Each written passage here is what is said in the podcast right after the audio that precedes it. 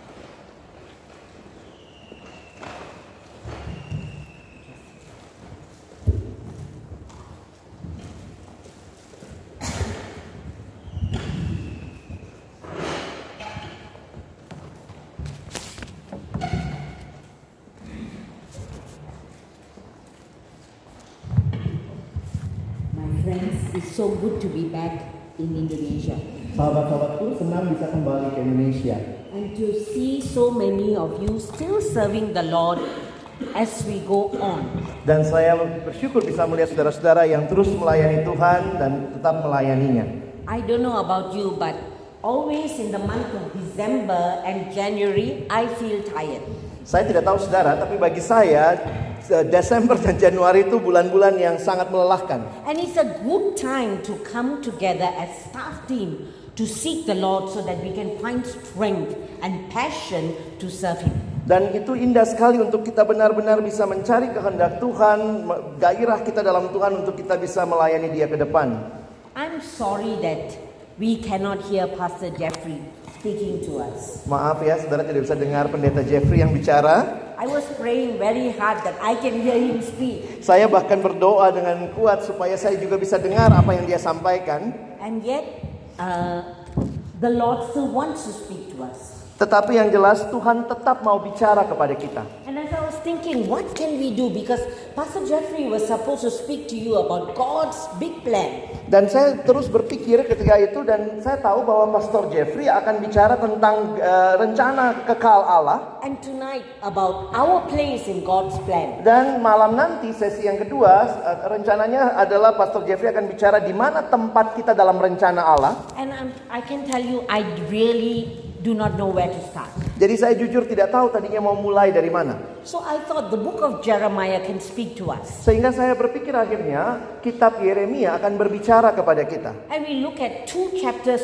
one today, uh, this evening, and one tonight, and maybe the Lord will say something to each one of us. Dan kita akan melihat dua bagian dalam kitab Yeremia. Yang pertama sekarang nanti sesudah makan malam dan saya berharap Tuhan berbicara kepada kita. Before we proceed, I want us to hear the word of the Lord. Dan sebelum kita melanjutkan, saya ingin kita mendengar suara Tuhan, firman Tuhan. I need four volunteers to, to speak the scriptures for us. Can you stand if you are volunteering to speak? Dan saya minta empat orang yang sukarela mau membacakan Alkitab buat kita. Empat orang yang sukarela boleh berdiri. And then I'll give you the passage. Sesudah saudara empat orang berdiri, baru saya akan kasih bagian yang akan saudara baca. Siapa saja? Sampai empat. Satu, dua, two more, Three. satu lagi. Oke. Okay. So could could you please read Jeremiah chapter 1 verses 1 to 3 and then you will read verses 4 to 10 you will read verses 11 to 15 uh, 16 17 to 19 all right okay Yeremia 1 ayat 1 sampai 3 demikian firman Tuhan. Inilah perkataan-perkataan Yeremia bin Hilkiah dari keturunan imam yang ada di Anatot di tanah Benyamin.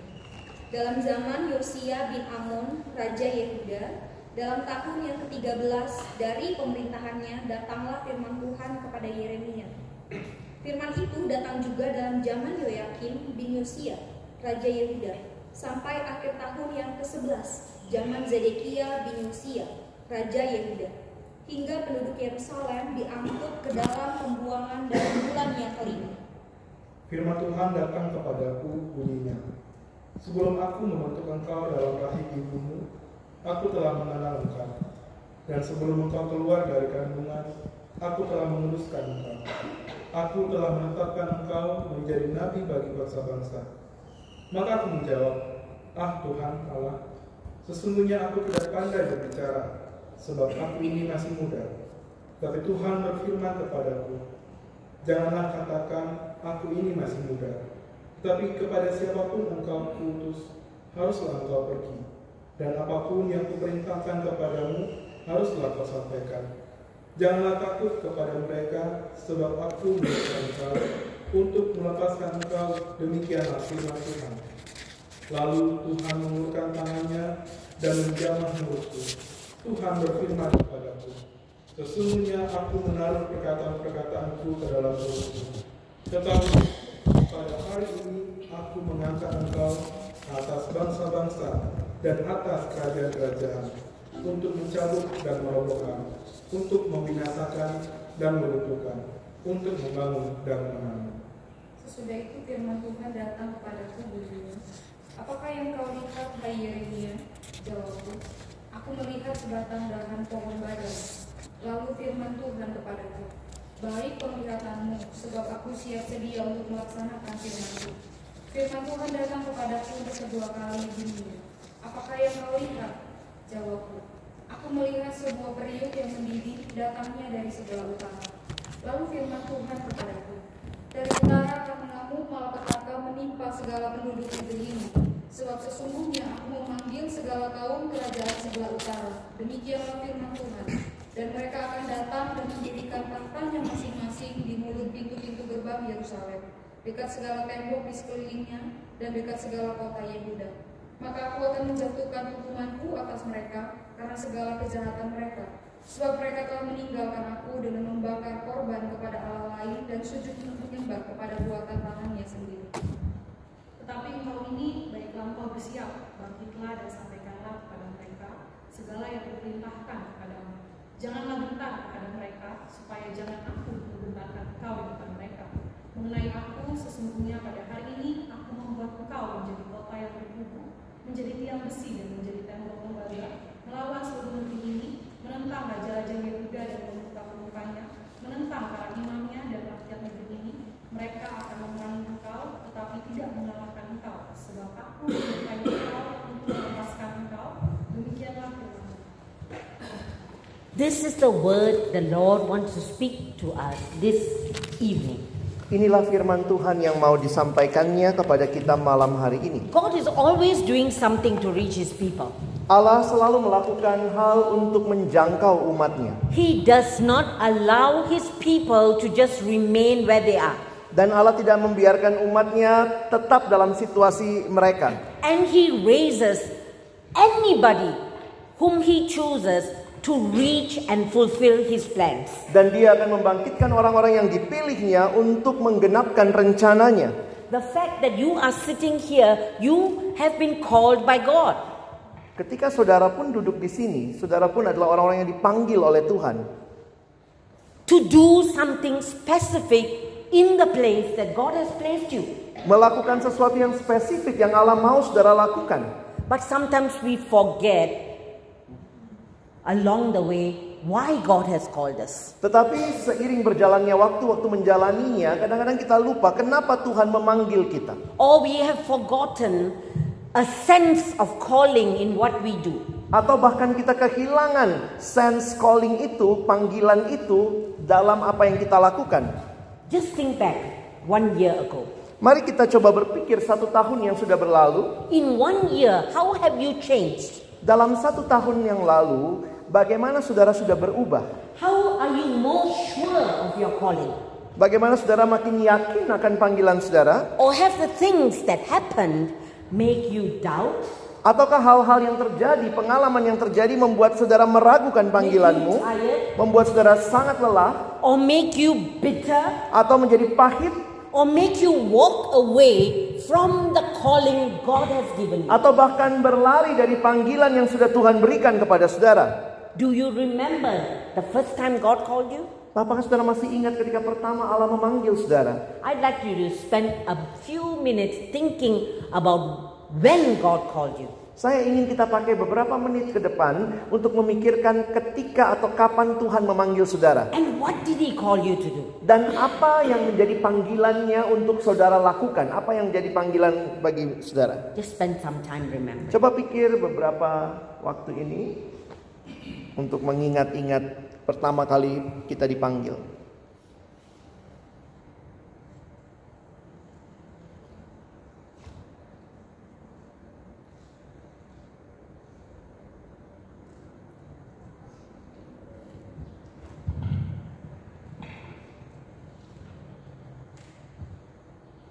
Now, those of us who are longer in the ministry, Bagi saudara yang sudah cukup lama dalam pelayanan, sometimes we can forget it because it's such a long time ago. Kita bisa susah mengingat bahkan melupakan karena sudah sangat lama itu. And the Lord needs to keep reminding us again and again I am the one who appointed you. Dan Tuhan nampaknya terus harus mengingatkan kita apa yang menjadi panggilannya untuk saudara lakukan. So that we don't just do a work, but we are ministers for the Lord. Sehingga kita hanya bukan melakukan sebuah pekerjaan, tapi kita benar-benar melayani Tuhan. And I think being a student worker is a great privilege. Dan bagi saya, menjadi staff itu adalah sebuah uh, privilege yang besar, kehormatan besar.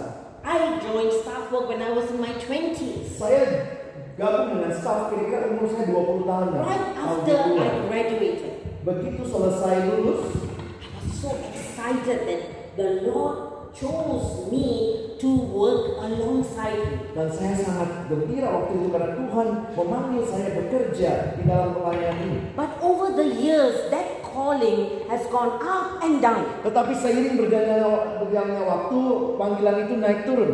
Sometimes I feel I've already gone astray because I get very angry with the students. Dan bahkan beberapa kali saya pikir saya sudah melenceng dari panggilan ini karena waktu itu saya sangat marah dengan para mahasiswa. Looking at my hair, you know, many generations have passed Dan since I kalau first came sudah in. lihat rambut putih saya, pasti saudara tahu ya sudah banyak generasi yang saya layani. Students are so different. Dan mahasiswa sekarang sangat beda. And are not interested in the things of the Lord. Bahkan kadang-kadang saya pikir ini generasi ini kok nggak tertarik lagi sama firman Tuhan atau hal-hal rohani. But sometimes it's not the students. Tapi kadang-kadang bukan masalahnya di para mahasiswa. Sometimes it could be opposition that is happening from maybe people who don't understand our ministry. Bahkan mungkin dari orang-orang yang tidak memahami pelayanan yang kita lakukan. And then I find I'm also forgetting why am I doing this ministry? Dan itu pun membuat saya jadi sampai lupa kenapa saya melakukan pelayanan ini. I think it's about being in competition with other people's ministry. Karena kayaknya saya menjadi orang yang berkompetisi dengan pelayanan yang dilakukan orang lain. Sometimes it's what's happening within the staff. Dan kadang-kadang yang mengaburkan panggilan kita adalah apa yang terjadi juga di dalam tim staff. Sometimes we feel discouraged by one another. Kadang-kadang kita saling melemahkan satu dengan yang lain. And that also makes us forget what God has appointed us to do. Dan hal itu juga yang membuat kita sering kali melupakan apa yang menjadi tujuan Tuhan memanggil kita. Why did God call you? Mengapa Tuhan memanggil saudara? Chapter 1 of Jeremiah talks about God calling Jeremiah to overturn a nation. Dan kalau kita melihat di dalam pasal pertama kitab Yeremia, Tuhan memanggil Yeremia untuk menunggang balikkan sebuah bangsa. And really, when God calls, I'm taking this from verse 17, this title, ah, Yeah. it can be a terrorizing appointment. Dan kalau Tuhan memanggil itu bisa menjadi seperti ayat 17 sampai 19 sebuah panggilan yang meneror kita. It's scary. Karena itu menakutkan. And God already tells Jeremiah, you will go through many experiences. Dan Tuhan bahkan sudah bicara sama Yeremia, engkau akan melalui berbagai pengalaman. but you keep going. Tapi terus berjalan, This is your calling. ini panggilanmu. Your calling is in verse 10. Panggilanmu ada di ayat 10. I appoint you over nations Saya menunjuk engkau dari segala bangsa and kingdoms dan kerajaan-kerajaan and tear down, untuk mencabut dan merobohkan, to destroy and overthrow, untuk membinasakan dan to meruntuhkan, build and to plant. untuk membangun dan menanam. That was Jeremiah's calling. Inilah yang menjadi panggilannya Yeremia. How old was he when God called him? How old was he? Kira-kira umur berapa Yeremia waktu Tuhan panggil? Ada yang bisa tebak?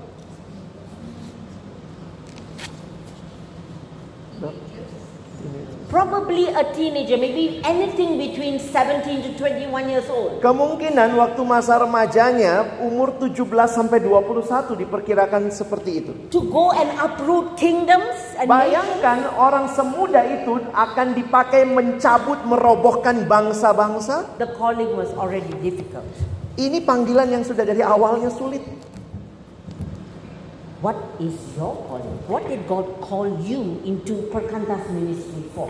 Dan pertanyaannya apa yang menjadi panggilan Tuhan bagi semua saudara dalam pelayanan perkantas ini?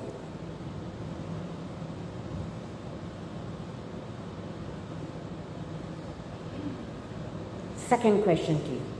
Pertanyaan kedua, What are some obstacles that may make you and I divert from our calling? Hal-hal apa atau hambatan apa yang membuat kita mungkin terdistraksi atau melenceng dari panggilan kita?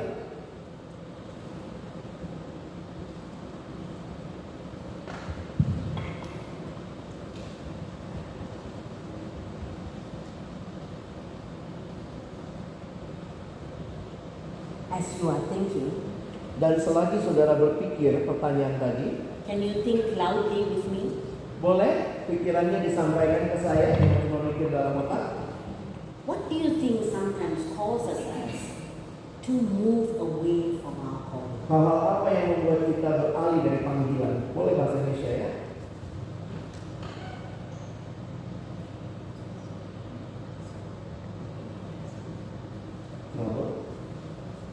Troubles that happen to us. Kesulitan yang terjadi pada kita. Personal troubles, Kadang-kadang eh, hal personal, kesulitan organizational troubles. atau bahkan kesulitan organisasi. What are other things? Ada hal lain?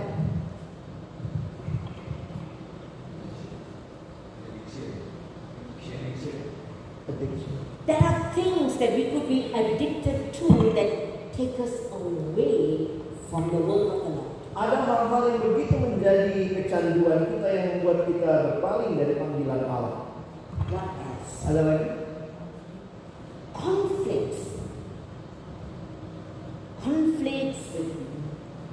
It could be at home, conflicts at home, it could be conflicts within our teams, all kinds of conflicts. Dan ini konflik bisa berkaitan dengan konflik di rumah kita, di pelayanan kita, di dalam tim pelayanan, dan itu bisa konflik apa saja. And I want to say very Dan saya ingin dengan rendah hati menyampaikan ini, saudara. the whole of last year, almost every week, I was traveling to a different country.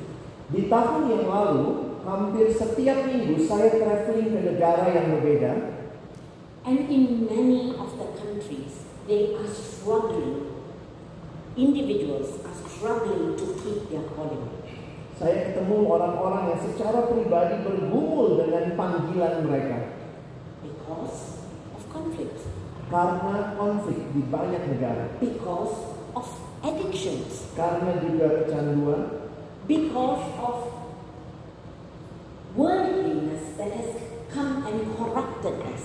Dan juga keduniawian yang masuk dan menggerogoti banyak hamba Tuhan. I remember going to uh, one country Saya ingat waktu saya pergi ke salah satu negara. and where one of the very, very old staff workers, Ini adalah staff yang senior banget.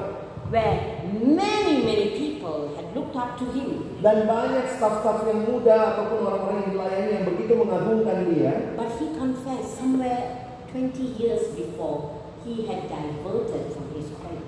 Dan dia mengakui bahwa 20 tahun yang lalu dia telah menyimpang dari panggilan itu. But he hid it. He hid it from everybody Tapi dia menyembunyikan itu dari semua orang. until it became exposed not just in, in their perkantas, but it was exposed nationwide in the newspapers that he was sexually harassing women. Dan dia sembunyikan itu dari teman-teman di perkantas Tapi kemudian itu jadi satu hal yang terbuka Dan terbukanya bukan hanya di perkantas Tapi bahkan masuk koran di negara tersebut Yang melakukan pelecehan terhadap wanita secara seksual And when I heard that, I was not standing in judgment of him. Dan waktu saya dengar itu saya pun tidak bisa berdiri menghakimi dia I realized how close I can be to also losing my calling. Tapi saya juga justru menyadari saya pun bisa begitu gampang melupakan panggilan How saya often I've been so angry and bitter with people I've been in conflict with Kadang-kadang kita begitu pedih, begitu pahit dengan orang-orang yang kita hadapi konflik that I had lost my appointment from God. Dan saya kehilangan panggilan Allah itu God certainly called each one of us here. Allah memanggil setiap kita di tempat ini.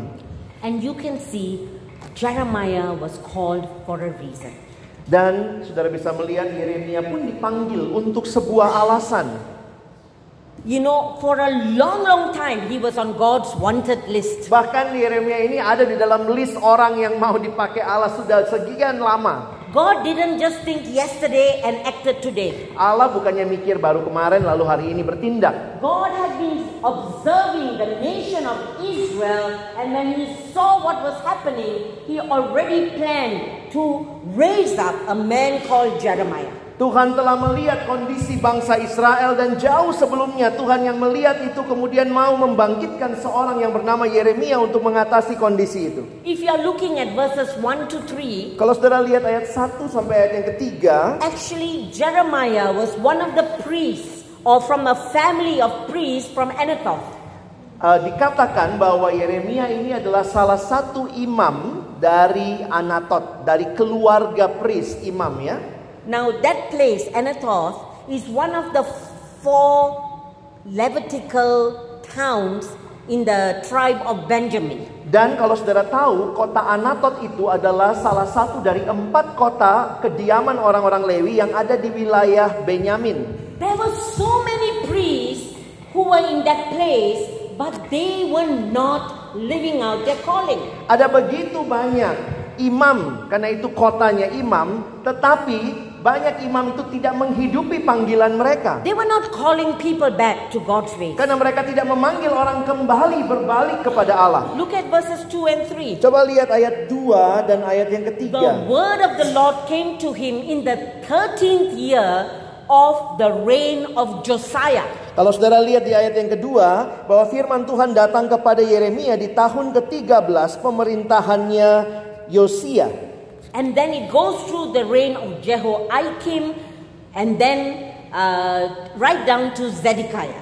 Jadi kalau saudara lihat dari Yosia nanti turun lagi ke pemerintahannya Yoyakim, nanti turun lagi ke pemerintahannya Zedekia. And the saddest part in verse 3 is until the people of God went into exile. Dan hal yang menyedihkan bahwa ini juga di ayat yang ketiga ketika bahkan umat Tuhan diangkut ke dalam pembuangan. If you look at the nation of Israel, Coba saudara lihat bangsa Israel they ini. were called to live in righteousness. Mereka dipanggil untuk hidup dalam kebenaran. But it, this is like a sort of a timeline of Israel. Tapi kalau saudara lihat ini seperti timeline perjalanan umat Israel. And you can see big, bigger than righteousness is sin and idolatry.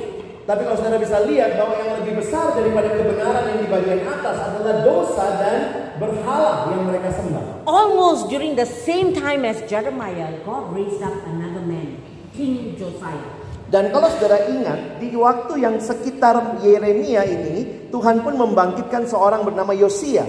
So Jeremiah started serving in the 13th year of King Josiah. Dan saudara tadi lihat ya bahwa dia Yeremia melayani di tahun ke-13-nya. There were two of them who were trying to reform a nation that had turned away completely from Jadi God. Tuhan memanggil dua orang ini, Yosia dan juga Yeremia, untuk memberikan pembaharuan di bangsa yang berpaling dari Tuhan. Josiah died.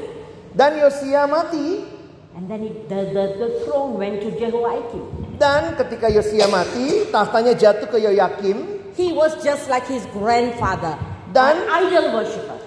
Yoyakim juga adalah penyembah berhala sama seperti raja kakeknya.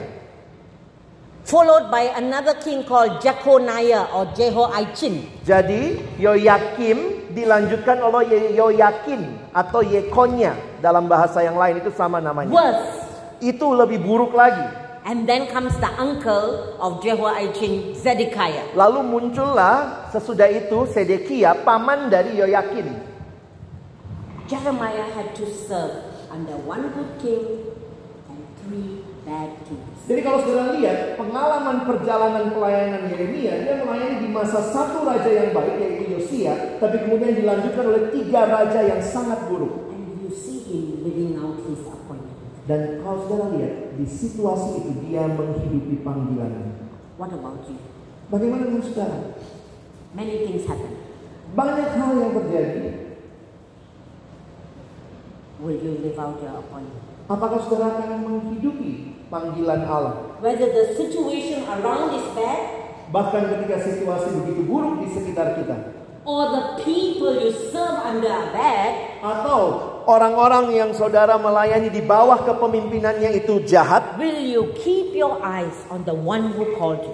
Apakah saudara akan terus menunjukkan pandanganmu kepada dia Allah yang memanggil saudara?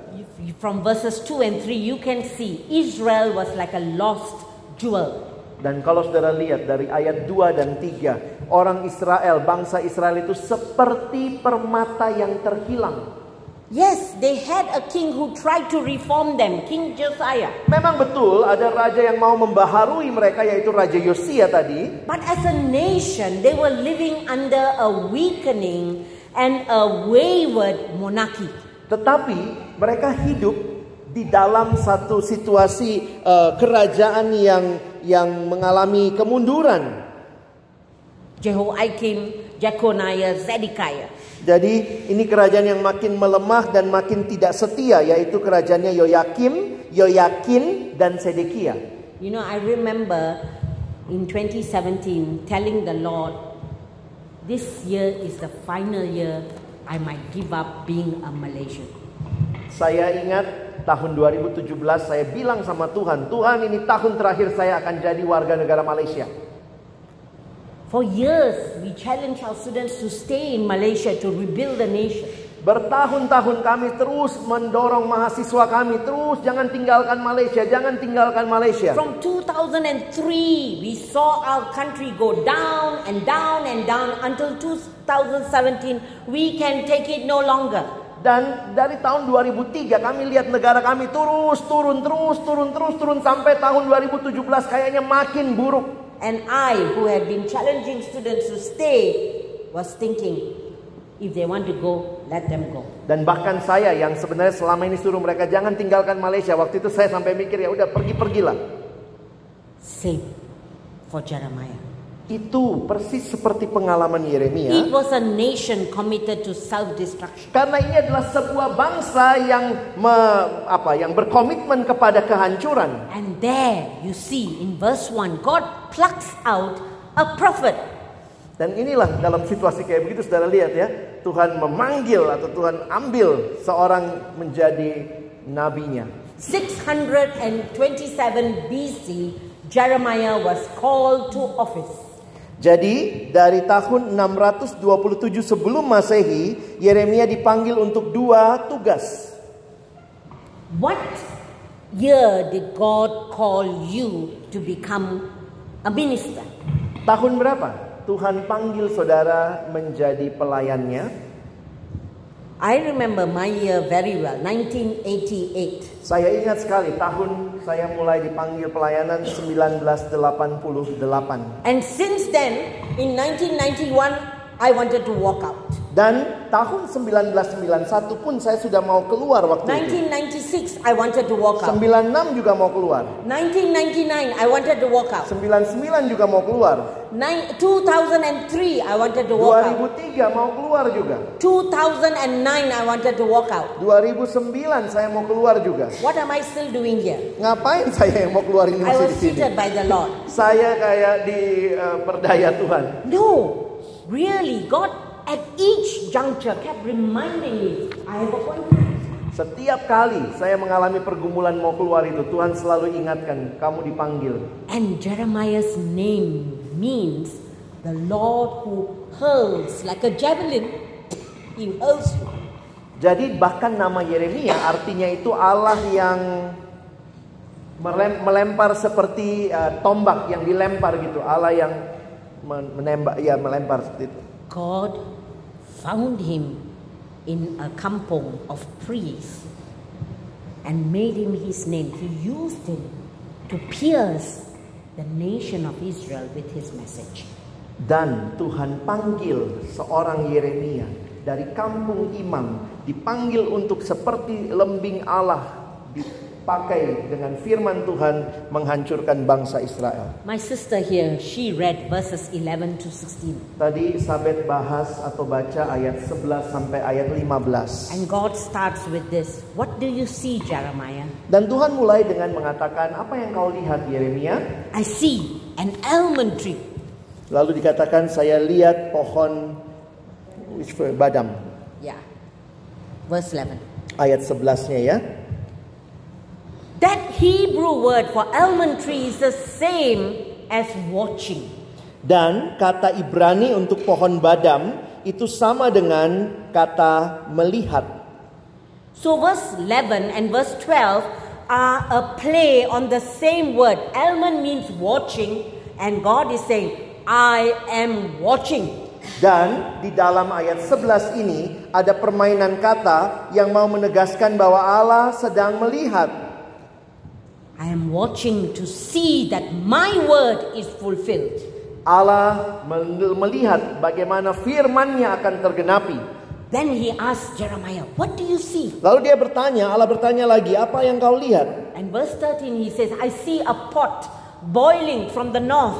Sekarang ayat 13. Apa yang kau lihat dikatakan aku melihat sebuah periuk yang mendidih And, dari sebelah utara. and verse 14 God says, Yes, from the north disaster will be poured out upon you. Dan ayat 14 Tuhan berfirman dari utara mengamuk malapetaka. All the people would have laughed at Jeremiah. Tentu orang-orang yang waktu itu mendengar berita ini akan menertawakan Yeremia. They would have said, Look at this false prophet. Pasti mereka akan bilang, aduh lihat ini nabi He's not, palsu. he's not a prophet of God. Pasti bukan dari Tuhan. Because at that time, Karena pada masa itu, the superpower was the Assyrians, which was from the east. karena waktu itu yang menjadi uh, superpower waktu itu adalah kerajaan Asyur dari timur. And they were looking there, protecting themselves from there. Dan mereka waktu itu melihat kepada kerajaan itu dan berusaha melindungi diri mereka. God says, I'm preparing somebody from the north. Tapi Tuhan bilang, saya akan siapkan yang dari utara, yaitu Babylon.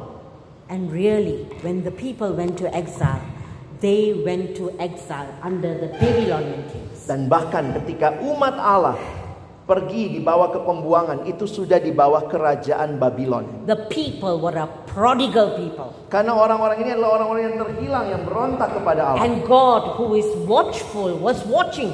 Dan Allah yang begitu melihat, sedang memperhatikan. He was already raising up Jeremiah. Allah telah membangkitkan Yeremia He was raising up a nation from the north dan Allah membangkitkan kerajaan dari utara. so that those who were prostituting themselves with the things that their own hands had made, they will be punished. Sehingga mereka yang me- melacurkan diri dengan Allah-Allah buatan tangan mereka, orang-orang itulah yang akan dihukum. Why is God so angry? Kenapa Tuhan marah banget? Usually we talk to students about God who is love. Kadang-kadang kan kita bicara ke mahasiswa Allah yang kasih. God is angry because the very ones that he loved were prostituting themselves. Allah begitu marah karena orang yang dia kasihi yaitu umatnya sedang bersinah dengan uh, bala berhala. And you see the divine orchestrator at work. Dan saudara melihat uh, orchestrator, uh, Person who conducts an orchestra. jadi saudara melihat Allah tuh seperti seorang yang memimpin orkestra sedang bekerja. Semua dari sana sini semua God berpadu. is raising up the nation from the north. God is raising up Josiah. God is raising up Jeremiah. Dan saudara lihat di situasi seperti itu Allah seperti pemimpin orkestra membangkitkan Yosia, membangkitkan kerajaan utara, membangkitkan Yeremia. Very intentionally. Dan itu sangat-sangat ada eh, disengaja. Allah menyengajakan. I am making this point so that you know you are in this place because God intentionally brought you here. Dan saya mengangkat poin ini supaya saudara menyadari bahwa tidak kebetulan Tuhan dengan sengaja membangun atau membawa saudara dipanggil di dalam situasi saat ini. He needs the young and the old alike Tuhan butuh baik yang muda maupun yang tua to keep their calling and to live out their calling before Him. untuk benar-benar menjaga panggilan dan menghidupi panggilan di hadapan Allah. So He told Jeremiah in verses 4 to 10. Dan karena itu dia menyampaikan kepada Yeremia dalam ayat 4 sampai ayat 10. Why He called him. Mengapa Tuhan memanggil Yeremia? And verses 4 to 5 is amazing. Ayat 4 sampai 5 itu luar biasa saudara. Before I formed you in the womb, I already knew you. Allah mengatakan sebelum aku membentuk engkau dalam rahim ibumu, aku telah mengenal engkau. And before you were born, I set you apart, and appointed you. Dan sebelum engkau keluar dari kandungan, aku telah menguduskan engkau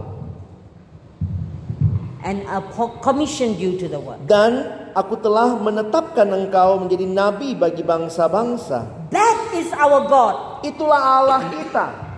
He is the divine author. Dia adalah uh, pemimpin yang sejati, yang ilahi atau uh, pengarang yang sejati. He authors our life and Dialah- every page of our life. Allah lah penulis agung kisah hidup kita. Dialah yang menuliskan kisah kita itu. And he told Jeremiah in verses 4 and 5. Dan dia telah dia menyatakan itu kepada Yeremia dalam ayat 4 dan 5. Already when you are conceived, I chose and set you apart. Dan waktu engkau bahkan dalam kandungan aku sudah pilih engkau dan menguduskan engkau. Even before your birth, you were called and commissioned. Bahkan sebelum kelahiranmu kamu telah dipanggil, ditetapkan, You diutus. are not going to be a priest, you are going to be my prophet. Engkau bukan akan menjadi imam, engkau akan menjadi uh, nabiku. Standing up and being my spokesman to the people. Dan berdirilah menjadi juru bicaraku kepada umat Allah. Those of you who have already read the book of Jeremiah, Saudara yang sudah pernah baca kitab Yeremia, you will know Jeremiah started as a priest. saudara mungkin tahu ya, Yeremia kan mulainya sebagai imam. Then when God called him, God called him to be a prophet. Lalu waktu Tuhan panggil dia, Tuhan panggil dia sebagai nabi. As you read Jerem- uh, the book of Jeremiah, you will also know he didn't only condemn the people, he comforted his people. Dan kalau saudara tahu bahwa Yeremia bukan hanya menghukum bangsanya, tetapi juga memberikan eh, pesan-pesan menghibur bangsanya. He lived out his calling as a prophet priest. Jadi dia menghidupi panggilannya sebagai prophet priest atau nabi imam. I told you just now earlier that the divine mandate for Jeremiah was very difficult. Itu yang saya bilang tadi di awal bahwa panggilan ilahi buat Yeremia itu sangat sulit, saudara. To overturn and to replant. Karena dikatakan di sini untuk mencabut, tapi juga untuk membangun, menanam kembali, To bring judgment, but also to bring hope. memberikan hukuman, pesan penghakiman, tapi juga membawa pesan pengharapan. And you know, Jeremiah is like you and I. Dan Yeremia itu seperti saudara dan saya. He said, Don't call me Lord. I, I'm not ready, I'm too young. Dia bilang Tuhan jangan panggil saya, saya masih sangat muda. And actually, he was not being falsely humble. Dan saya pikir dia bukan bohong-bohong rendah hati yang bohong-bohongan ya. Can you imagine a 17 year old to 21 year old going to a priest, 50 years old priest, and telling him, God is going to punish this nation? Saudara bisa bayangkan ya, seorang usia 17 sampai 21 tahun masih begitu muda sebagai imam datang kepada imam umur 50-an yang tua bilang Tuhan akan menghakimi bangsa ini pasti nggak mungkin gitu ya. And he said, I don't know how to speak. Verse Saya, 7. saya tidak tahu mesti bicara bagaimana ayat 7 itu. And God says, You must go to everyone I command you. Lalu Tuhan bilang kau harus pergi ke setiap orang yang kepadanya engkau harus aku suruh pergi. Now you know why I say his appointment is very terrorizing. Makanya saudara bisa memahami judul sesi ini yang saya bilang panggilan Allah buat Yeremia sangat meneror dia. No excuses. Tidak ada eh, maaf. I don't know about you. How many of you who went to the Lord say, Lord, I'm here. Do you want to use me? Come use me. Ada nggak dari kita yang waktu datang sama Tuhan, Tuhan saya siap melayanimu, pakailah aku. Most of us is the other way. Sebagian besar dari kita justru sebaliknya nolak dulu ya. You feel that God is calling you and you pretend you didn't hear anything. Jadi kayak Tuhan lagi panggil, ah, dah, nggak dengar gitu ya. And after many times that God keeps calling, we answer. Dan ketika berkali-kali Tuhan menyatakan panggilannya, barulah kita menjawab. And Jeremiah was like that. Dan Yeremia juga seperti itu. But the one promise God gives him verse 8 Tapi janji Allah bagi Yeremia di ayat 8. and again in verse 19 Dan kemudian nanti lihat juga di ayat 19. Do not be afraid of them, I am with you. Jangan takut aku memimpinmu. I will rescue you. Aku akan menyelamatkan engkau. Same, verse 19. Sama, itu juga di ayat 19. I am with you, I will rescue you. Aku menyertai engkau, aku akan melepaskan engkau. It was not about Jeremiah. Ini bukan tentang Yeremia. It's not about you or your calling. Ini bukan tentang saudara dan panggilanmu. Every time I feel trouble to be in the ministry, the Lord reminds me it's not about me. Setiap kali saya bermasalah, bergumul dengan pelayanan dan Tuhan mengingatkan ini bukan tentang kamu, It's about Him. ini tentang Dia. It's about what He wants to do through our lives. Ini tentang apa yang Dia mau lakukan melalui hidup kita. And the only promise He gives us is, I am with you. Dan satu-satunya janji yang Dia berikan bagi kita adalah aku menyertai engkau. I will teach you what to say. Aku akan menyatakan apa yang harus kau sampaikan. And you go and speak. Bagimu pergi dan bicara. How about all of us sitting here? Bagaimana dengan setiap kita di sini? For those of us who are tired Bagi saudara yang sedang sangat and letih, we want to give up, bahkan mau menyerah. is it about God or is it about us? Ini tentang Allah atau tentang diri saudara? For those of us who want to give up because of conflict, Bagi saudara yang mungkin mau mundur karena konflik, is that the reason we are going to give the Lord? apakah itu alasan yang kita mau bilang Tuhan saya mau mundur? Some of us, because we are really struggling, our families are struggling, we want to give up. Dan bagi kita mungkin beberapa yang punya pergumulan keluarga yang berat, kita mau menyerah. Sometimes the Lord tells us, go back and minister to your family first. Memang kadang-kadang Tuhan akan bilang balik kepada keluargamu, layani dulu mereka. Then do that. Maka lakukan itu. But sometimes He says, you stay and I will help you. Tapi kadang-kadang Tuhan juga akan bilang, kamu terus dalam pelayanan ini, aku akan menolong Are engkau. we still hearing God's voice as we minister? Apakah kita terus mendengar suara Tuhan sambil kita melayani?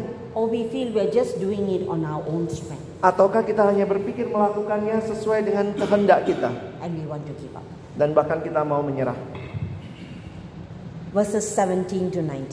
Ayat 17 sampai 19. God makes promises to Jeremiah. Tuhan memberikan janji kepada Yeremia. Get yourself ready and stand up. Bersiaplah engkau, berdirilah, bangkitlah. This is where I feel God is acting like a gangster. Di sini kayak Tuhan kayak gangster gitu. Ayo berdiri, bangkit. No, do not be terrified by them or I will terrify you. Iya Tuhan bilang jangan gentar terhadap mereka. Kalau tidak kamu akan gentar terhadap aku. Itu ayat berikutnya ya 17b. Verse 17. Janganlah gentar terhadap mereka supaya jangan aku menggentarkan engkau di hadapan mereka. Really? Diteror sama Tuhan. God is terrorizing him. Tuhan teror banget gitu ya. But Tuh. why? Tapi kenapa? Because God has something good for Jeremiah. Karena Tuhan punya sesuatu yang baik yang indah buat Look at Yeremia. verse 18. Lihat ayat 18. I have made you a fortified city. Aku membuat engkau menjadi kota yang berkubu atau berbenteng. You cannot be shaken. That's what God is telling him. Kau tidak bisa digoyahkan itu yang sebenarnya Tuhan lagi bilang sama I'm making Yeremia. you an iron pillar. Aku akan menjadikan engkau tiang besi. Iron has got strength that you cannot overcome. Saudara tahu ya yang namanya besi itu punya kekuatan yang sulit ditaklukkan. And I am making you a bronze wall. Nobody can. Dan aku akan menjadikan engkau tembok tembaga, tidak ada yang bisa mendorong engkau jatuh. Friends, Sahabatku, every time God calls us, He is making us into something. setiap kali Tuhan panggil kita, Dia membuat kita menjadi sesuatu, seseorang yang sesuai kehendaknya. Are we learning our lessons? Apakah kita belajar mempelajari pelajaran-pelajaran ini? Who are you choosing to be afraid of? Siapa yang saudara takut kepada siapa? God told Jeremiah, Be afraid of them or me. Tuhan bilang sama Yeremia, kau lebih takut sama mereka atau aku? You and I need to answer that question. Am I afraid of the situation or myself? Kita perlu menjawab pertanyaan ini. Apakah kita takut sama situasi, Oh, sama diri kita, atau takut sama Tuhan? Yes. Some of you know, Ya, saudara, beberapa kita tahu, you read in my Facebook that last year I had cancer. beberapa saudara tahu ya, kalau baca Facebook saya, tahun lalu saya alami kan- kanker. I had to make a choice Saya harus memilih, whether I will be afraid of cancer apakah saya akan takut dengan kanker, or I will be afraid of God. atau saya takut kepada Allah. You know when the actually when I got the report from the doctor Waktu pertama saya dapat hasil saya dari dokter, that I had cancer, waktu saya dibilang punya cancer, when he told me dia kasih tahu begini ya, you have cancer, ibu ada kanker, kanker, I said, okay, baik, that's because kenapa begitu? I had to collect the report from the nurse. Karena saya yang mesti ambil dari perawat laporan ini. Before I gave it to the doctor, I already. Karena saya udah lihat duluan waktu saya ambil dari ini ya sebelum ketemu dokter. I went with my colleague, a staff worker, and both of us read, and then we went to see the doctor. Jadi saya sama satu teman staff kami sebenarnya yang datang ke sana ambil laporan itu. Jadi sesudah kami baca lihat baru kami ke And in that five minutes, Dan di dalam lima menit itu I already decided I will trust God. dan dalam lima menit saya mengambil keputusan saya mau percaya Tuhan. If cancer is to be my road, I will walk that road. Kalau memang saya harus melewati jalan kanker ini, ya sudah saya lewati jalan If. God wants to heal me, He will heal me. Kalau Tuhan mau saya disembuhkan, Tuhan akan sanggup menyembuhkan. But as long as I'm living, I want to live for God. Tapi selama saya hidup, saya mau hidup bagi Allah. That's what D.L. Moody said. Itu yang D.L. Moody katakan. We are immortal, that means we won't die, until our work on earth is done.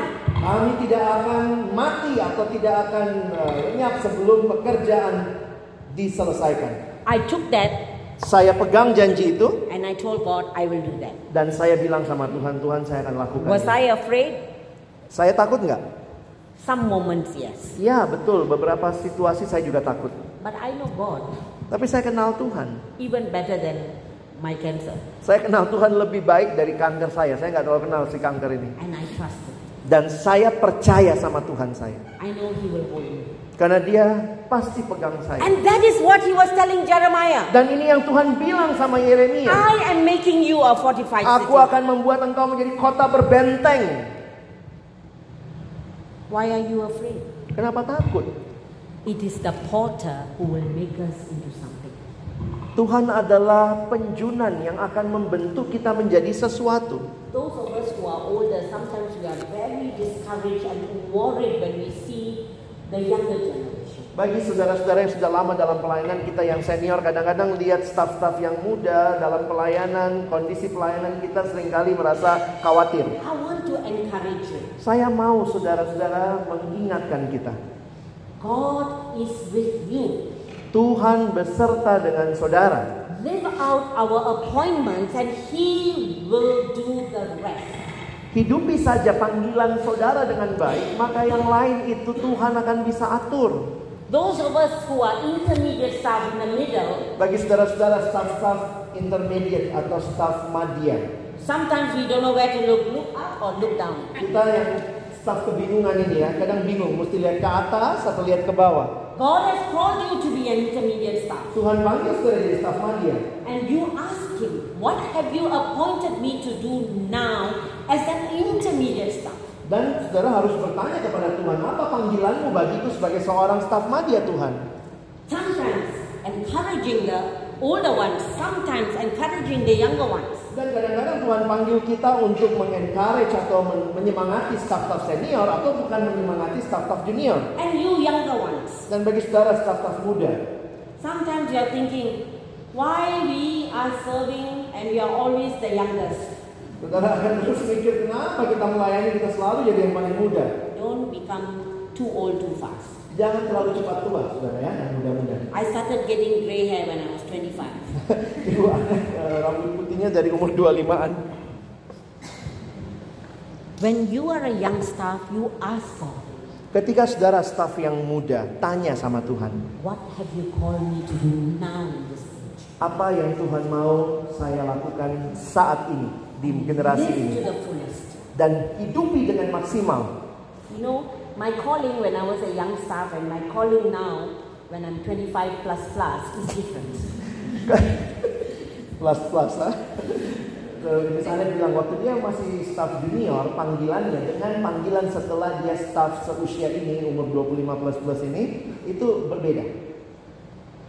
My appointment right now is very clear. Saat ini penunjukan saya itu sangat jelas. This is between God and me. Ini Allah dengan saya. He told me, raise up a young, new generation.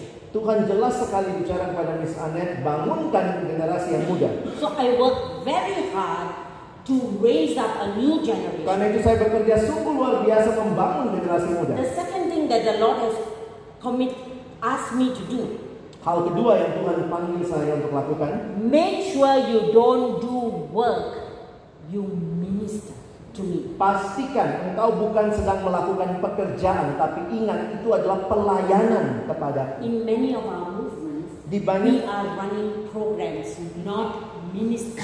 di banyak pelayanan kita di perkantas di berbagai daerah kita melayani program-program bukan kita melakukan mengerjakan program bukan melayani And wherever I go, I encourage them.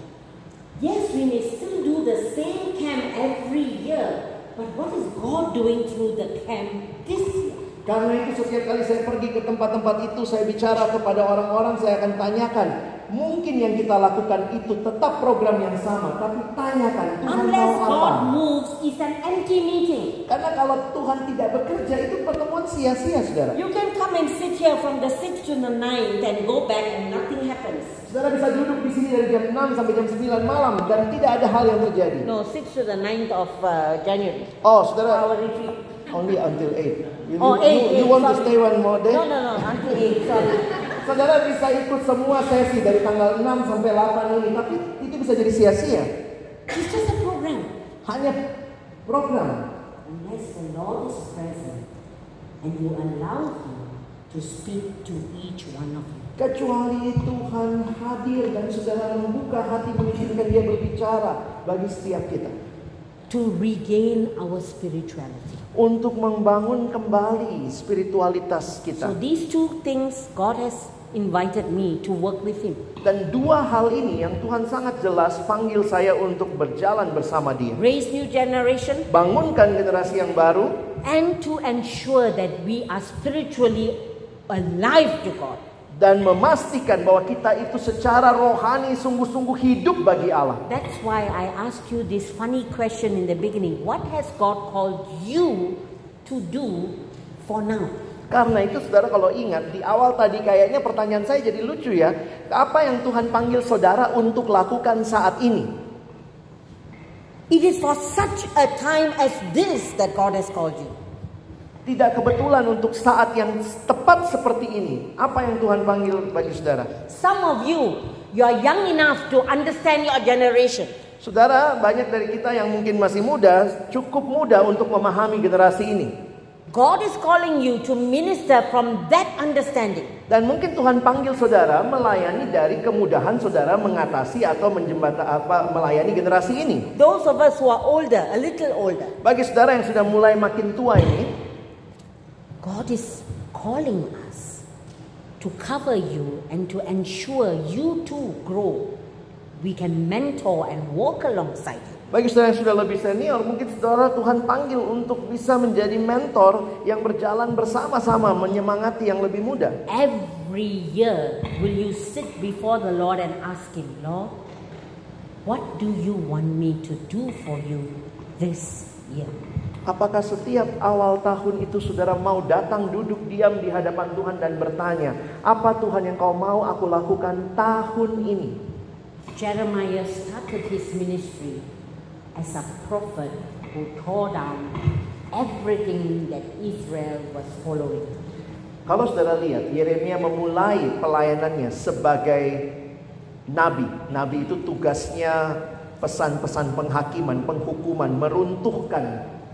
But you read through the book of Jeremiah, as the armies of Babylon were coming, it was Jeremiah who gathered his people and comforted them and told them, God will bring us back. Tapi Nabi Yeremia yang sama ketika Babylon datang, sudah lihat pesannya berubah. Dia justru dipakai Tuhan membawa pesan pengharapan, penghiburan akan ada pem- pemulihan dari Allah. Jeremiah stood during the darkest hour of Israel. Yeremia inilah yang dipakai Tuhan berdiri di saat paling kelam dalam sejarah Israel. His ministry started in 627 right until 587 BC. Jadi pelayanannya mulai dari tahun 627 sebelum Masehi sampai still 587. 587. Almost 40 years. Hampir kurang lebih 40 tahun ini Yeremia. Will you be faithful for 40 years? Saudara mau setia sampai 40 tahun?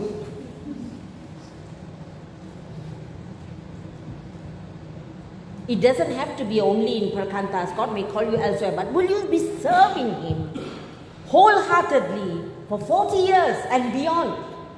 Dan ini memang mungkin bukan hanya di perkantas, tapi pertanyaannya apakah saudara mau melayani Tuhan dengan setia lewat 40 tahun bahkan For selebihnya. 40 years, he stood alone, he and God. Everybody was against him. 40 tahun dia berdiri sendiri, dia dan Tuhan karena semua orang menentang dia. And he answered his call through the living of his life, not just through his words. He lived it out. Dan Yeremia menjawab panggilan Allah bukan dengan mulutnya tapi dengan hidup yang dia nyatakan. I'd like you to look at this video Coba saudara lihat video berikut. about Abraham Lincoln. Kita akan lihat tentang Abraham Lincoln.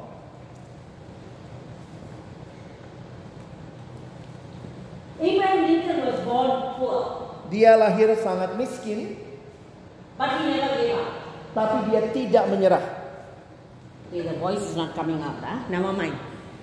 His family was forced out of their home Keluarganya diusir dari rumah and he had mereka to work to su- support them. dan dia harus kerja mendukung. His mother died. Mamanya meninggal. He failed in business. Dia bahkan gagal di dalam Then he bisnis. ran, ran for parliament and lost. dan dia maju ma- jadi anggota parlemen He lost his job. Dia kehilangan He pekerjaannya. borrowed some money from his friend but couldn't pay back. Dia pinjam uang dari temannya nggak bisa bayar He spent 17 years paying off the debt. dan dia harus bayar 17 tahun He nyicil. ran again for parliament. Dia mulai masuk lagi dalam He parlemen. lost. Dia kalah lagi. He was engaged to be married, his sweetheart died. 6 bulan ah, ya dia eh, tunangan, pacarnya meninggal. In between, he ran many times. Dan di tengah-tengahnya dia maju terus ke parlemen tapi selalu kalah, selalu kalah. And in nine- 1846, he won. 18 berapa tadi dia menang tuh ya? Then 48, he lost. 48 kalah lagi. In 89, he again tried to run. Coba lagi daftar, He lost. Kalah. 1856, 1856 he got less than 100 votes. dia lebih eh, dapat kurang dari 58, 100. he lost. 58 kalah lagi. In 1860, he became the president of the United States. 1860 baru jadi presiden Amerika. Are you going to sit there and count how many times you lost? Apakah saudara akan tetap duduk lalu hitung-hitung saja kekalahanmu? Are we going to say, these are the reasons I can't serve you? Apakah kita akan mengatakan, ini Tuhan alasan-alasannya kenapa saya tidak bisa melayanimu? My friends, Sahabatku, you and I, like Jeremiah, are in the potter's hands.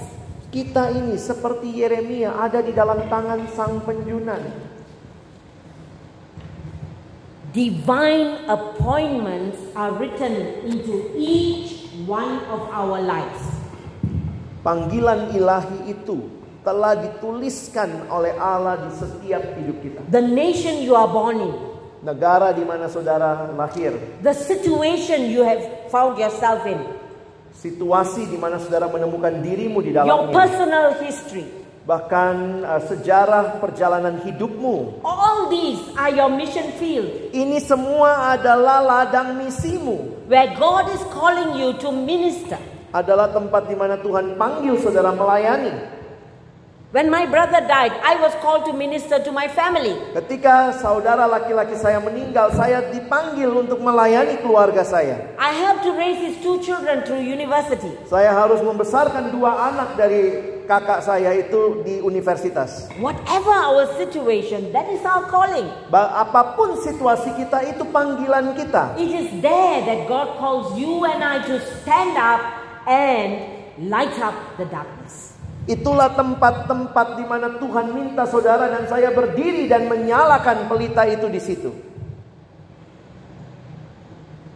In this new year, Awal tahun baru ini, every one of you who saw me, the first thing you wish me was Blessed Christmas and Happy New Year.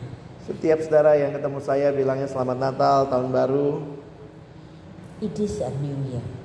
Ini benar-benar tahun yang baru. It is a new page. Karena ini adalah halaman lembaran yang baru. But it will become old if we do not live out our appointments. Tapi halaman lembaran itu akan jadi lembaran yang tua kalau kita tidak menghidupi panggilan. God has called you and I to be prophets like Jeremiah. Tuhan panggil saudara dan saya seperti nabi, seperti yang Yeremia lakukan. to become God's voice and God's heartbeat in the places we are sent. Menjadi suara Allah dan denyut hati Allah, denyut jantung hati Allah setiap tempat di mana kita hadir. Will you allow God to tutor you in the situations you find yourself? Apakah saudara mengizinkan Tuhan memakaimu di setiap situasi di mana saudara ada? If you find yourself in a conflict situation, Kalau saat ini saudara menemukan dirimu sedang dalam situasi konflik, will you ask God to say, Teach me how I can become toughened through this? apakah saudara akan bertanya kepada Tuhan, Tuhan bagaimana dalam situasi ini saya bisa engkau eh, engkau menguatkan saya? If you are in a family situation, Kalau saudara dalam situasi-situasi keluarga saat ini, how you can be strengthened through ministering to your. Bagaimana saudara diteguhkan, dikuatkan untuk melayani keluarga saudara? I've told you before, Saya sudah cerita tadi, for two years before my mother passed away in 2017, I ministered to her.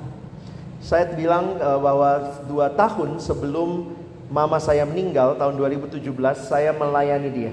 I cannot, I cannot tell her, God called me to an important job in IFES, I have to travel everywhere. I am her daughter, that is my mission. Saya tidak bisa bilang ke mama saya, mama saya dipanggil Tuhan melayani jauh-jauh di tempat-tempat perkantas, tapi saya anak perempuannya, jadi ini adalah mama saya, pelayanan saya. I went home every week, no matter how tired I was, to minister to her. Sehingga ibu Anet dia tinggal jauh di Kuala Lumpur, uh, tiap minggu harus pulang walaupun sangat letih tubuhnya. Sometimes two times a week I will drive. Bahkan satu minggu kadang-kadang sampai dua kali saya pulang ketemu mama saya. And then I leave only at 1 a.m. at night to come back to KL. Dan saya biasanya tengah malam jam satuan saya balik lagi ke Kuala Lumpur. I go home to do what? Saya di rumah ngapain? I sit behind next to my mom and just hold her hand. Saya hanya duduk samping mama saya lalu pegang tangannya. And I can tell you that was the most important ministry I did for two years. Dan itulah pelayanan yang paling luar biasa yang saya lakukan kepada dia dibanding dengan pelayanan saya lain. Are we listening to what God is calling us through the situations He put us? Apakah kita mendengar situasi mana Tuhan sedang panggil saudara?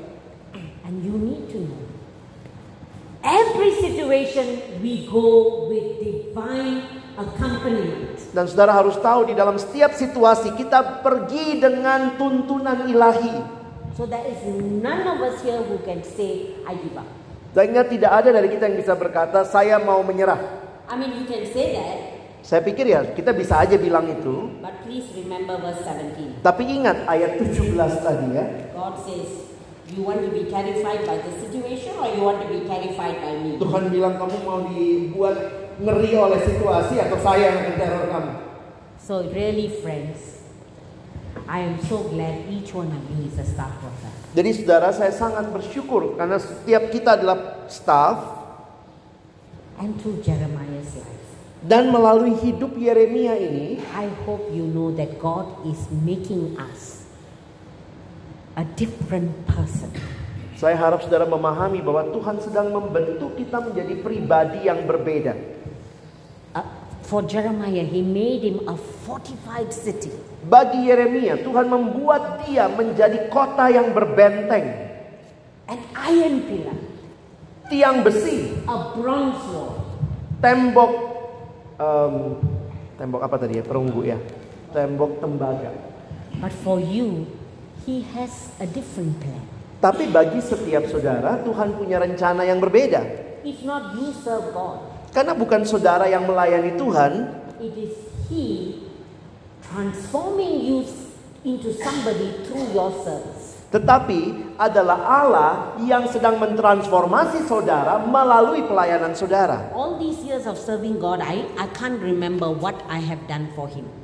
Karena setelah saya lewati juga tahun-tahun pelayanan ini, saya bahkan nggak ingat apa yang saya lakukan But baginya. I can tell you what he has done for Tapi me. yang saya bisa ceritakan apa yang dia lakukan bagi saya. Bagaimana dia mengubah saya. Bagaimana dia meneguhkan saya? And I am here today. Karena itu saya ada di sini hari ini. So I only want to be a student forever until I go home to be with the Lord. Karena itu dalam hidup saya saya hanya mau jadi terus murid Tuhan sampai saya bertemu dengan To Tuhan allow him to tutor me to every situation he put me. dan mengizinkan dia Menjadi pemimpin saya, penuntun saya yang mengajari saya dalam segala situasi yang saya hadapi. Same for you. Dan ini sama bagi It kita. doesn't matter whether you just join staff. Jadi ini bukan masalah saudara baru gabung jadi staff. Or you are one year staff. Atau baru or setahun four year staff. Atau empat tahun. Or 15 year atau staff 15 tahun. Or 10 year staff. Atau 10 tahun, 20 year staff. 20 tahun, 30 year staff. 30 tahun, 40 year staff. 40 tahun, 50 year staff. bahkan 50 tahun. It doesn't matter. Bukan itu masalahnya, bukan berapa lamanya. It matters whether you allow him to tutor you. Tetapi apakah saudara mengizinkan Tuhan terus memimpinmu? Maka kita bisa menghidupi panggilan kita. So I think God allowed me to come and be with you to invite us to take this appointment from God as a precious thing. Saya pikir ketika Tuhan bawa saya kepada saudara untuk menolong saudara, Tuhan bicara melihat panggilanmu sebagai sesuatu yang berharga yang Dia berikan bagimu. And that you will do something about it while you are here. Dan saudara akan melakukan sesuatu dengan hal itu selama kita ada di sini khususnya. So my question as I end, Dan ini pertanyaan saya sambil men- menutup sesi ini. how far are you living with a sense of mission in? Seberapa jauh saudara hidup dengan kesadaran panggilan Allah ini dalam hidup saudara. And if you are not finding that, please find some time to be alone with God. Dan kalau saudara belum menemukan keyakinan itu, maka selama di sini cari-cari waktu bersama dengan Tuhan secara pribadi. so that He can renew your appointment. Sehingga Tuhan akan meneguhkan ulang panggilan kita atau penunjukan kita daripada Don't just continue this way Jangan terus jalan kalau tidak jelas hal ini. because you don't only affect yourself, you affect a lot of people around you. Karena kalau tidak jelas saudara bukan hanya merugikan dirimu, saudara akan menjadi pengaruh buruk bagi orang-orang di sekitarmu. I would like uh, Alex to close in prayer, and then if there's questions, I'd like to take some questions. Saya akan tutup doa supaya ini boleh tanya jawab ya kalau ada pertanyaan. Mari kita berdoa. Tuhan terima kasih buat firman-Mu. Setiap kali kami dihadapkan dengan panggilan Tuhan, biarlah hati kami benar-benar terarah, tertuju kepadamu. Karena bukanlah pelayanan ini yang menjadi kebanggaan kami, tapi Tuhan yang memanggil kami itulah satu-satunya harta berharga kebanggaan kami di dalam pelayanan ini. Terima kasih Tuhan panggil kami. Tuhan memberikan segala hal yang kami butuhkan melanjutkan pelayanan ini. Termasuk juga retret ini kami doakan menjadi kesempatan kami dibaharui lagi. Bukan berapa lama kami sudah melayani di perkantas. Tapi apakah kami sedang hidup di dalam panggilan Allah yang sedang terus membentuk kami. Terima kasih untuk hambamu Miss Anet yang Tuhan panggil Tuhan juga berikan kesempatan untuk dia melayani kami hari ini biarlah terus Tuhan topang dia dalam sesi-sesi berikutnya. Waktu selanjutnya dalam tanya jawab Tuhan yang memberkati sehingga kami juga boleh makin memahami apa yang jadi rencana Tuhan. Dalam nama Yesus kami berdoa. Amin. Silakan kalau ada yang mau bertanya. Any any question Ya. that is yes. Ada pertanyaan dalam bahasa Indonesia nggak apa-apa nanti saya terjemahkan.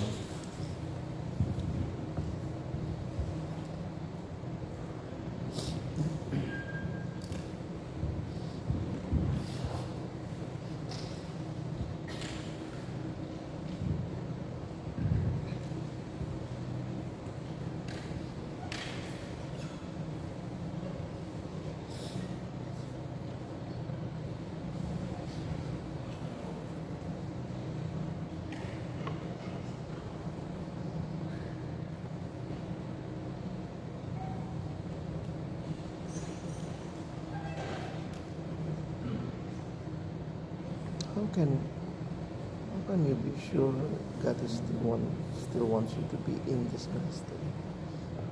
Saya mulai lah ya pertanyaannya ya, Ibu Anet.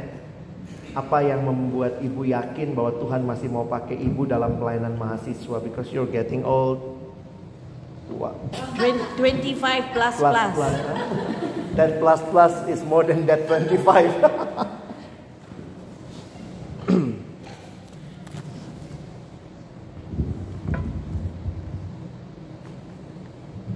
God calls you in, Ketika Tuhan panggil saudara, if every year you are asking me what you want me to do, ketika setiap tahun saudara bertanya, Tuhan apa yang kau mau aku lakukan? there will come a time He says, "I finished." Ada waktunya Tuhan mungkin bicara selesai. I was serving in Perkantas in Malaysia Saya melayani di Perkantas Malaysia until 2010. sampai tahun 2010 saya di Perkantas Malaysia. 1988 until 2010 in Perkantas Malaysia. Dari 1988 hingga 2010 saya di Perkantas Malaysia. In 2007, Di tahun 2007 I asked God, "What do you want me to do?" saya tanya Tuhan, Tuhan apa yang kau mau saya lakukan? He said, "Nothing more. Tuhan bilang nggak ada lagi. You have finished your task in Malaysia." Di Malaysia tugasmu sudah selesai.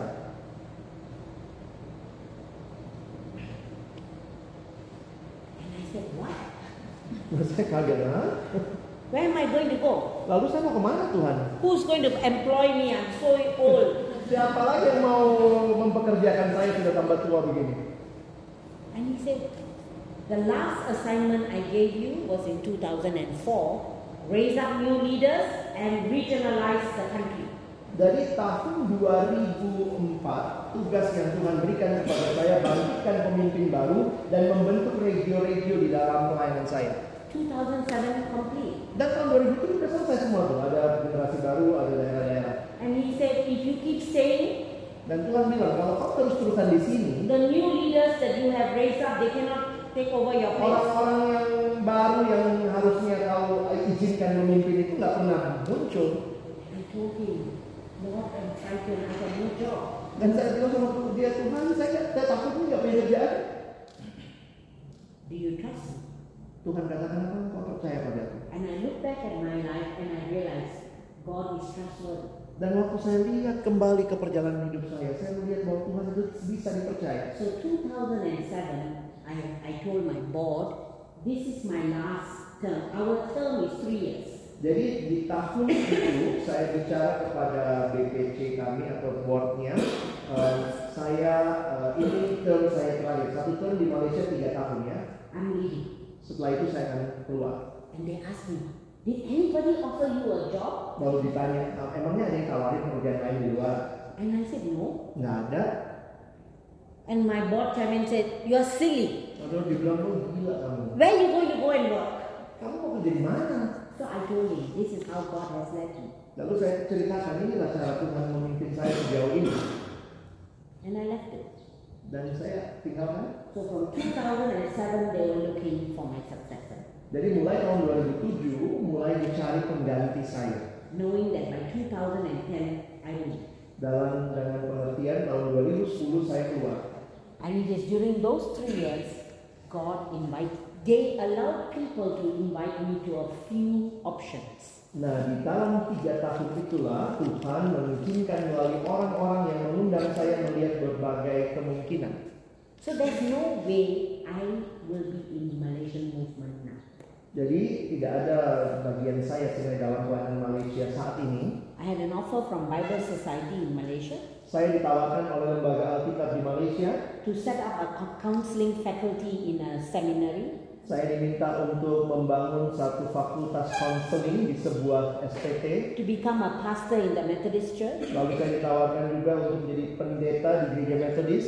And the last one that came two years later was from IFES. Dan dua tahun terakhir, ini yang terakhir sebenarnya adalah tawaran dari IFES to serve among the East Asia countries. eh, menjadi eh, pelayan bagi negara-negara eh, ya, Asia Timur. So I prayed about this four Saya berdoa untuk empat opsi tadi and narrowed down to become a pastor or this one. dan dari empat pilihan jadi dua pilihan utama And finally the Lord showed me this.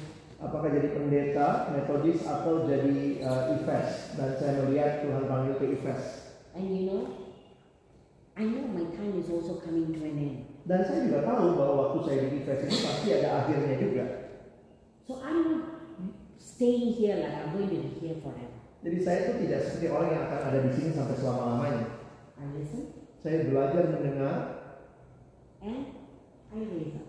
dan saya membangun dan membangkitkan And when it's time to go, I will. dan kalau waktunya sudah selesai saya harus pergi saya pergi The lesson here is are we open? Jadi pelajarannya sampai kapan kita di sini adalah seberapa terbuka kita di hadapan Tuhan jadi ini bukan soal pekerjaan kita. Bukan masalah posisinya. Apakah saudara kenal siapa Allah? Apakah saudara dengar suaranya? Apakah saudara percaya kepadanya? And it's a journey. When I was 20 something, I won't, I won't say this because I didn't know the Lord so, so well. Memang ya waktu saya masih umur 20-an yang jadi staf baru saya nggak berani bicara seperti ini karena saya juga belum kenal Tuhan begitu dalam. Any other question? Ada pertanyaan lain?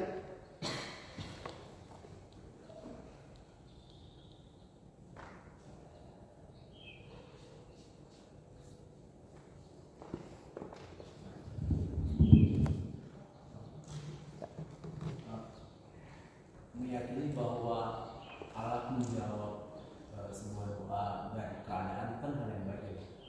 Eh, tapi eh, fair ya kalau sebenarnya kita eh, melihat bahwa kegagalan itu juga bagian dari eh, jawaban kita. Kalau tadi kalau tadi kalau tadi misalnya tanya eh, apa yang membuat lari, kalau aku menjawab hasil.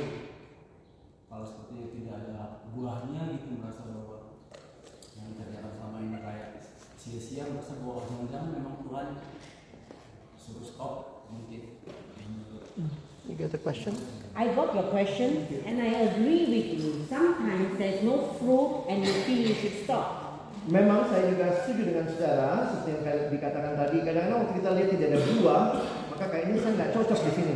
But you do not look at the situation and say, God is asking me to stop. Tapi jangan kita lihat kepada situasi lalu bilang Tuhan menyuruh saya berhenti. Is God inviting you to stop because of this. Atau jadi cara berpikirnya apakah Tuhan mengundang kita untuk berhenti karena situasi itu? My only reason for telling you that Satu-satunya alasan saya menyatakan ini look at Jeremiah, he failed. Nobody listened to his message. karena lihat Yeremia ini ya, nggak ada yang dengar beritanya. If you look at his result, he should leave. Kalau lihat hasilnya saja, Yeremia lah orang yang harus pertama keluar. God told him, You stay and you speak because my calling for you is to go against walls.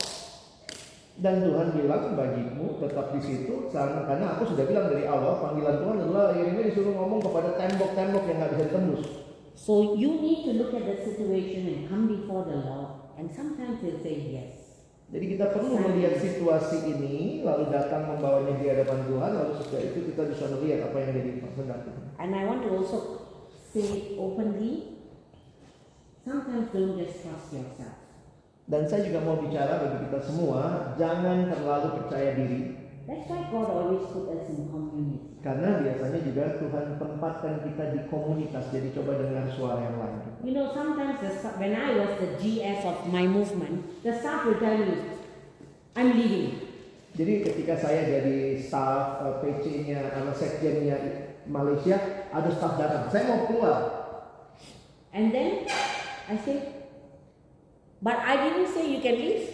Tapi saya bilang kau nggak boleh keluar mau apa? Where is that community in us discerning together? Bagaimana kita sebagai komunitas mencoba mencari bersama-sama kehendak Tuhan? Or even when they say, I'm staying, Atau bahkan ada yang datang, saya mau tetap ada di sini. I said, let's seek the Lord first. Mari sama-sama kita cari Tuhan.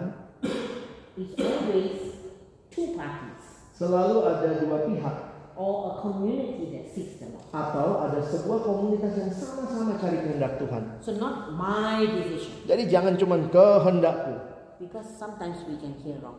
karena mungkin kita mendengar hal yang salah. But thank you for asking that very Makasih ya. difficult question. Ini pertanyaan yang sangat sulit sebenarnya. Ada lagi?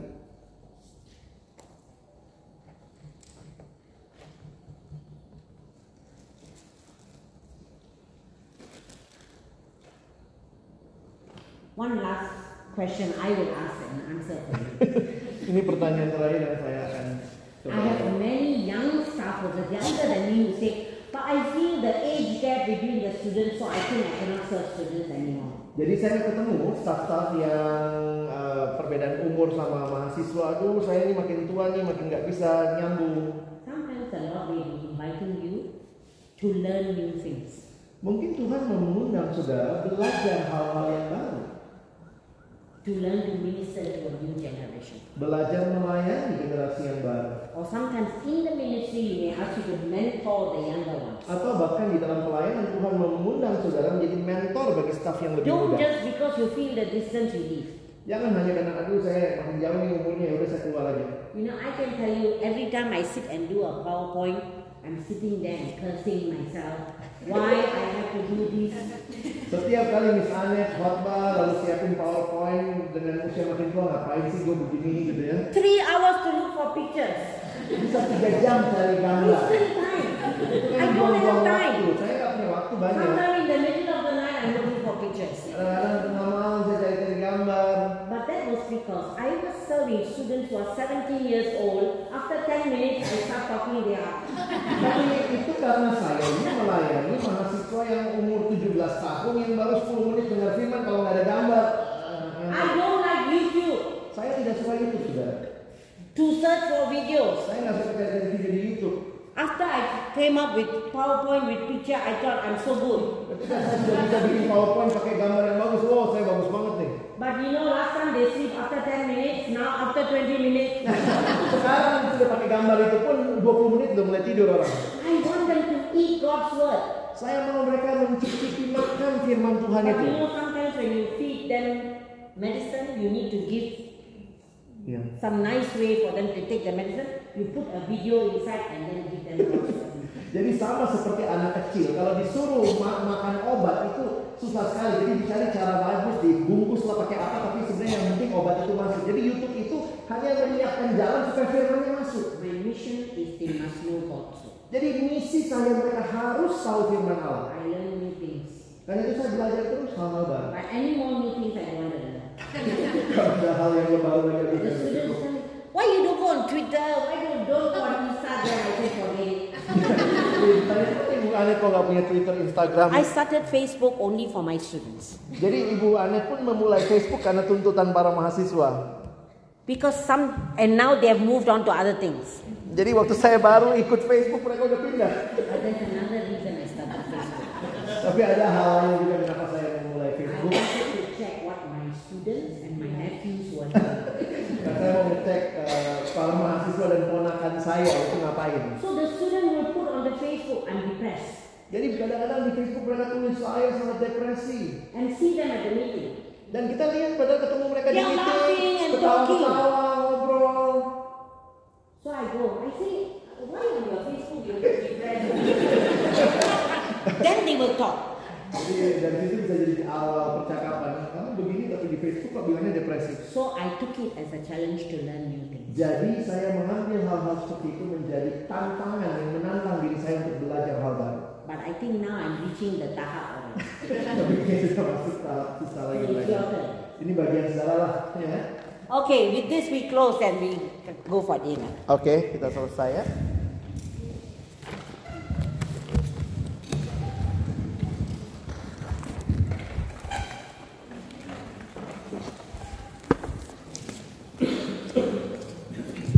Terima kasih kepada Miss Anet dan Bang Alex.